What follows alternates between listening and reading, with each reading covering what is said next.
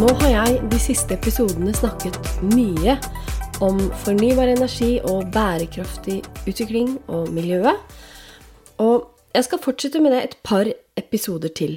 Og i denne så har jeg tenkt å snakke om miljøgifter. Det er et eh, ganske spesifikt tema som vi alle rett og slett bør vite noe om.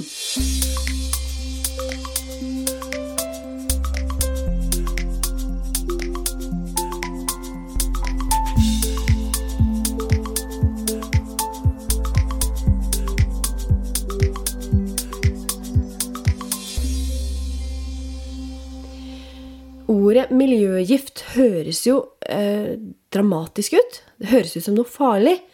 Noe vi absolutt bør holde oss langt unna. Gift, liksom. Det er et skummelt ord. Men hva hvis jeg sier at vi får i oss miljøgifter stadig vekk? For det er den triste sannheten. Vi får i oss miljøgifter hver dag, både gjennom maten, lufta, vann og produkter vi har i oss. Og vi tar det opp både gjennom munn, men også luftveier og gjennom huden. Eh, så nå skal jeg prøve å forklare litt hva det egentlig er. Miljøgifter er alle slags stoffer som kan skade enten helse eller miljø, eller begge deler. Eksempler på sånne stoffer er bly og kvikksølv, eh, fluorholdige stoffer og dioksiner. Det er stoffer som inneholder klor. Her kommer noen eksempler på produkter som inneholder miljøgifter. Plastemballasje inneholder stoffer som eh, gjør plasten myk. Eh, det er noe som kalles ftalater. Dette stoffet er også skadelig eh, for både oss og miljøet. Pga. forsøpling annet, så finnes det nå både i saltvann og ferskvann. Det finnes i jorda. Det finnes i støv og inne i huset og det gjør at vi enkelt får det i oss. Dette stoffet kan også bli frigitt hvis du varmer mat i mikroen i plastemballasjen, eller hvis du lagrer drikke over lang tid inni en eh, plastflaske f.eks. Hvis man får i seg ftalater over tid, så kan det forstyrre hormonbalansen i kroppen, og det kan skade forplantningsevnen, altså evnene til å få barn. Det kan også skade et foster, i dag så er det forbudt å bruke det produktet i barneleker for barn under tre år, men det er fortsatt i mange andre produkter.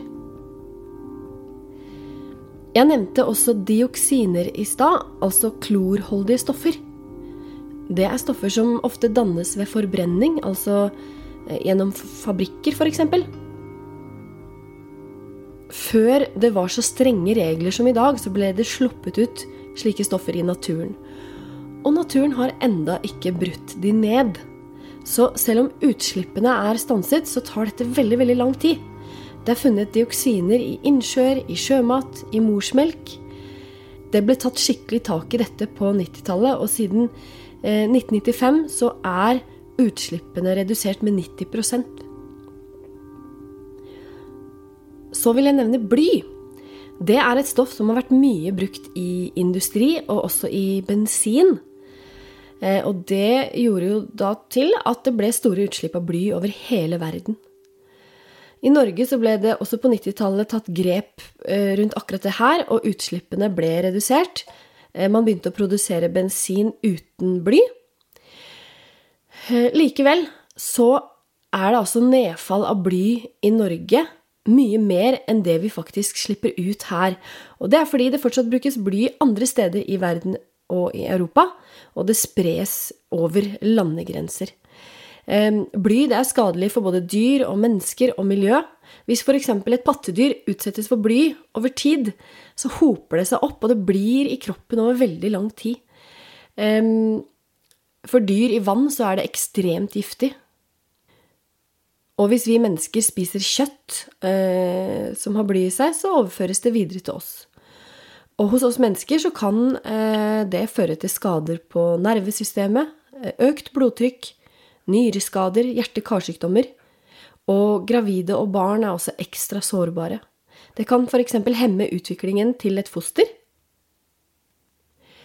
Det fins mange, mange miljøgifter. Eh, ta gjerne en titt på miljøstatus.miljødirektoratet.no for å lese mer om ulike miljøgifter. Det vi kan si er felles for de fleste av disse, det er at det tar veldig lang tid å bryte ned, enten i kroppen eller i naturen, og noen brytes ikke ned i det hele tatt. Det betyr at det lagres i fettvev og i annet vev, og derfor så kan det òg finnes i dyr og fisk som vi spiser. Miljøgiftene har helseskadelige effekter, og særlig barn og fostre og også eldre blir ekstra utsatt. Eh, og disse stoffene har også til felles det at det er, de har store konsekvenser for miljøet. For å få ordentlig slutt på utslipp av miljøgifter, så er vi helt avhengig av internasjonalt samarbeid. Eh, til bly, f.eks., som jeg nevnte i stad. Altså, her i Norge har vi et veldig lavt utslipp av bly nå, men allikevel så har vi nedfall av bly i landet vårt. Eh, mye mer enn det vi sjøl slipper ut. Så stoffene spres jo over landegrenser med luft og med havet, og derfor så må vi samarbeide. Norge har samme regelverk for disse eh, miljøgiftene som EU, og deltar i arbeid med å, med å regulere miljøgifter. Og vi har f.eks. veldig god behandling av farlig avfall. Over hele verden så foregår det også en overvåkning av disse stoffene. Det betyr på en måte at det måles nivået av dem i luft, i jord, i forskjellige steder. Ehm, sånn at vi har litt kontroll på det, og eh, det hjelper oss og hjelper de som jobber med det her, da. Så forhåpentligvis så går det rette veien. Du og jeg kan bidra i dette arbeidet ved å ikke forsøple, ved å sortere søpla og plasten og legge det der den skal, ved å ikke kjøpe plastprodukter, plastleker eh, eller kosmetikk som inneholder de stoffene her. Så det er jo en trøst midt i alt at vi kan hjelpe til.